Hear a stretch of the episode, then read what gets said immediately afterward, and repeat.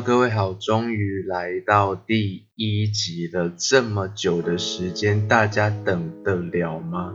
当然是可以，因为没有人看呐、没有人听啦，没有人听，对啊，因为没有人听，所以所以新作品新的一集的产生，好像对一大堆人来讲根本无关紧要、无关痛痒，因为根本没有人要听啊，而且第一集也还没出现，那第一集终于出现了。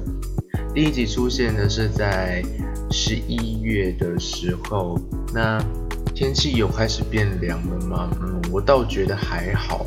十一月了，诶依照之前的逻辑，应该已经是冬天要穿长袖了吧？没有，现在在南部还是一样艳阳高照，虽然早上还是会有一点稍冷，但是中午就是回到最夏天的状态。虽然非常的热，但是还是没有办法天气以及大自然的一的造化。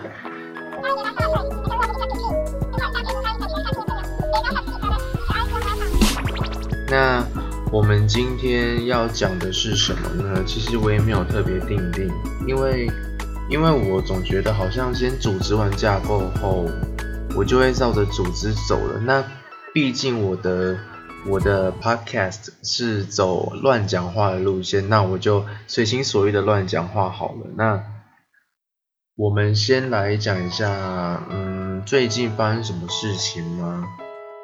最近我周遭倒是发生了一些很微妙的事情，就是虽然这不能讲，但是我我从感想来回推好了，但就是我们来谈关心这一件事情，就是我们对于一些人的关心，是不是会对对方造成某些影响？如果我对对方很熟的话，那我对他的关心。他会不会觉得好像过多了一点？对方可能会觉得你已经这么懂我了，我在这么孤独的情况之下，就是好好自己静一静。那你也不要来关心我什么，就让我静一静就好。对方有可能是会这样子的感受。那如果你是真心的，那也就罢了。那你如果是有意的，想要刺探对方发生什么事的，那这件事情就变得更加棘手。而且，如果对方是一个不太熟的人，你突然去关心他，诶，这个观感是不是不太好？虽然我完全可以认同对方，以及呃尽可能的感受对方所感受的，但是。我的关心真的对对方有好的影响，或者是让他的心情有变得更好吗？那这个我觉得要打上一个大问号。毕竟我们不是我们不是神，我们我们只是一个人，我们没有办法解读对方真正内心的想法到底是什么。我在从这个事情上面，我想到了一首歌。是徐佳莹的心理学，那这首歌呢，也是心理学专辑的标题曲。那他在 YouTube 上面有这样的一段话：是谁在你身边？是我，或终究只有你自己？我们都可以把问题搞得复杂，因为逃避那一翻两瞪眼的简单。是谁在我身边呢？每次说好不往心里去的。就快要看不见我自己了，很难搞吧？爱情，想拥抱你，为何总成为你的暗黑？其实我们都单纯不过的啊，就为何总为心里的事浪费心的眼泪？请不要担心，反正我天生是钝过人，学不会。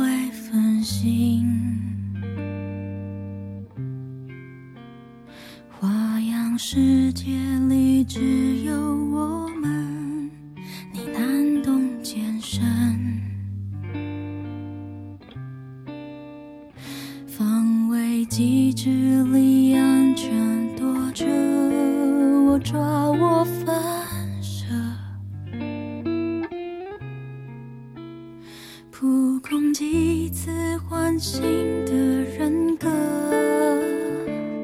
本来就各自活着病着，没有要互相疗愈什么。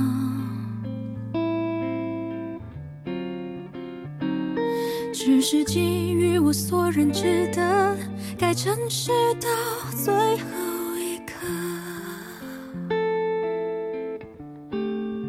别再找日子麻烦。再费劲改变，那也不是改善。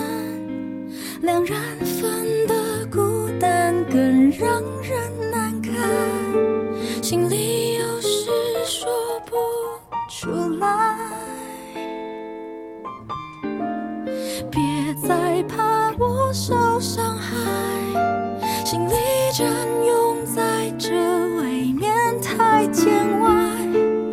那么懂你，所以等待。你说一声，我就走开。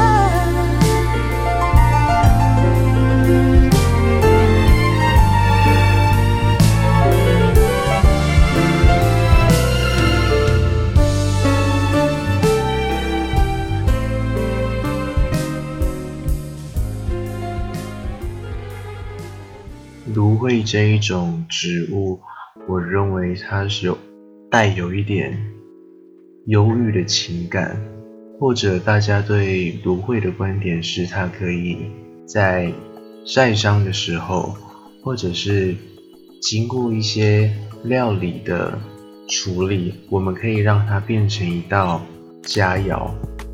但是，这都是它的用途。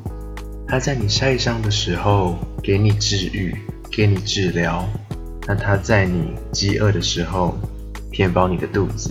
它看似很好亲近，但是它的身上却充满了刺。但它的刺可以伤人，却很难伤人，这很难用言语说明。但是我认为芦荟它是一个很奇妙的植物，它能在大太阳下。它能在阴天的状况下生长，它能够土根，而且繁殖速度相当的快。它可以水根，可以耐阴耐阳，是多么具有韧性的植物。但是我的水根芦荟，它已经开始有变黄了，好不好？话锋一转，大家就是要。摆脱文学那种气质，我们就是一个凡人，好不好？我们没有那么多文学充斥在我们的生活中。好，生活即是文学，但是这太文绉绉了啦，好不好？各位，我们还是要一需要一点知识的东西。那刚刚讲到水耕，那什么是水耕呢？水耕呢，就是植物没有需要用到任何土壤或者是任何介质的辅助下，在呃，根部用水的状态下生长，它是可以活下来的。那对于水耕，呃，我也种了不少植物。那水耕的好处是它的虫害并不会太多，而且干净。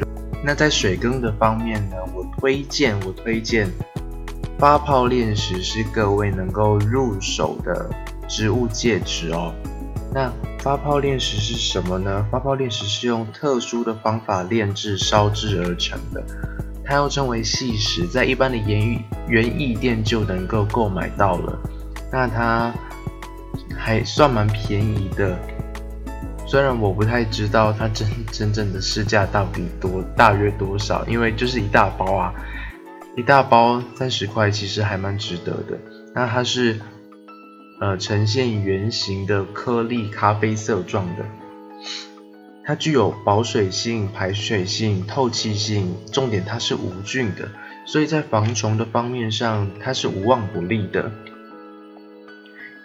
很多人把发泡链石放在鱼缸的底部，一方面对于鱼来说好用，一方面能够在鱼缸里面种植物，其实也是非常好的。介质，因为发泡炼石是一颗一颗的颗粒状，所以便于它的根部能够在空隙之间抓根，所以我诚心的推荐发泡炼石，因为它经济又实惠。